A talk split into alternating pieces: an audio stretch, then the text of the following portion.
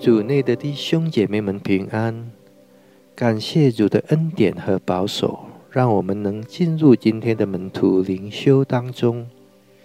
今天的读经运动主题是“上帝动怒有分寸”，取自于以赛亚书第五十一章。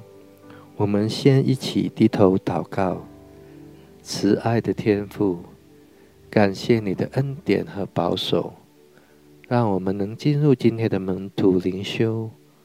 求主赐给我们一颗谦卑的心，来思考神的话语，来明白神的旨意。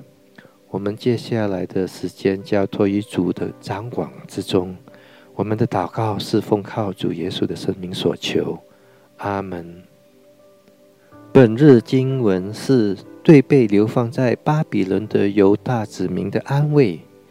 在此处，他们被称为细安。五十一章第三节。第一，他们必须追想上帝所赐给他们的祖宗亚伯拉罕的祝福。五十一章第二节。上帝以应许将迦南地赐给由亚伯拉罕妻子撒拉所生的后裔。这个应许非同寻常，因为当时亚伯拉罕还没有孩子，而他的妻子撒拉已经停经。按照人的想法，那个应许是不可能应验的。但是对上帝而言，并没有难成就的事，上帝能够成就他的应许。第二，他们必须留心上帝的训诲和律法，五十一章第四节，特别是有关救恩，五十一章第五节。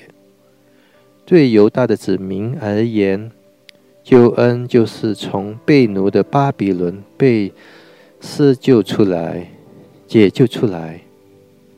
若他们只专注于自己的能力，是无法得到释放的。因此，他们必须仰望掌管一切的上帝。他们对上帝的这个种信心，将消除他们对众欺压者的惧怕。五十一章第七到第十六节。第三。他们必须觉悟到，上帝对他百姓的怒气是有分寸的。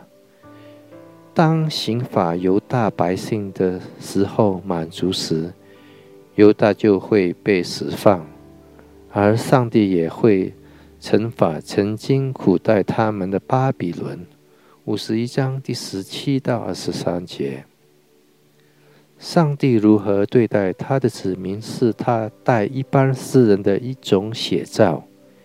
因为所有的人都犯了罪。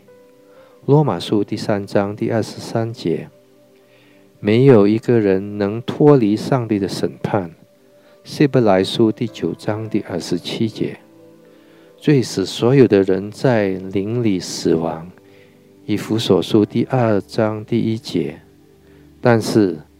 上帝亲身为我们开了一条出路，基督已为所有人死，使凡相信基督的人能免去罪的惩罚，而成为上帝的儿女，并且得作永生。主为所有的信徒所预备的救恩，应当使我们不再惧怕，在这世上。人最可怕的经历莫过于死亡，但是在基督里所预备的永生，却是超越死亡的生命。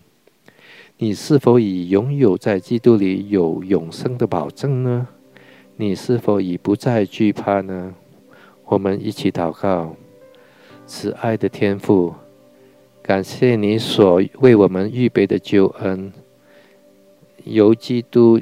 在实际上上为我们而死，为我们而赎罪，使我们得到天国的盼望。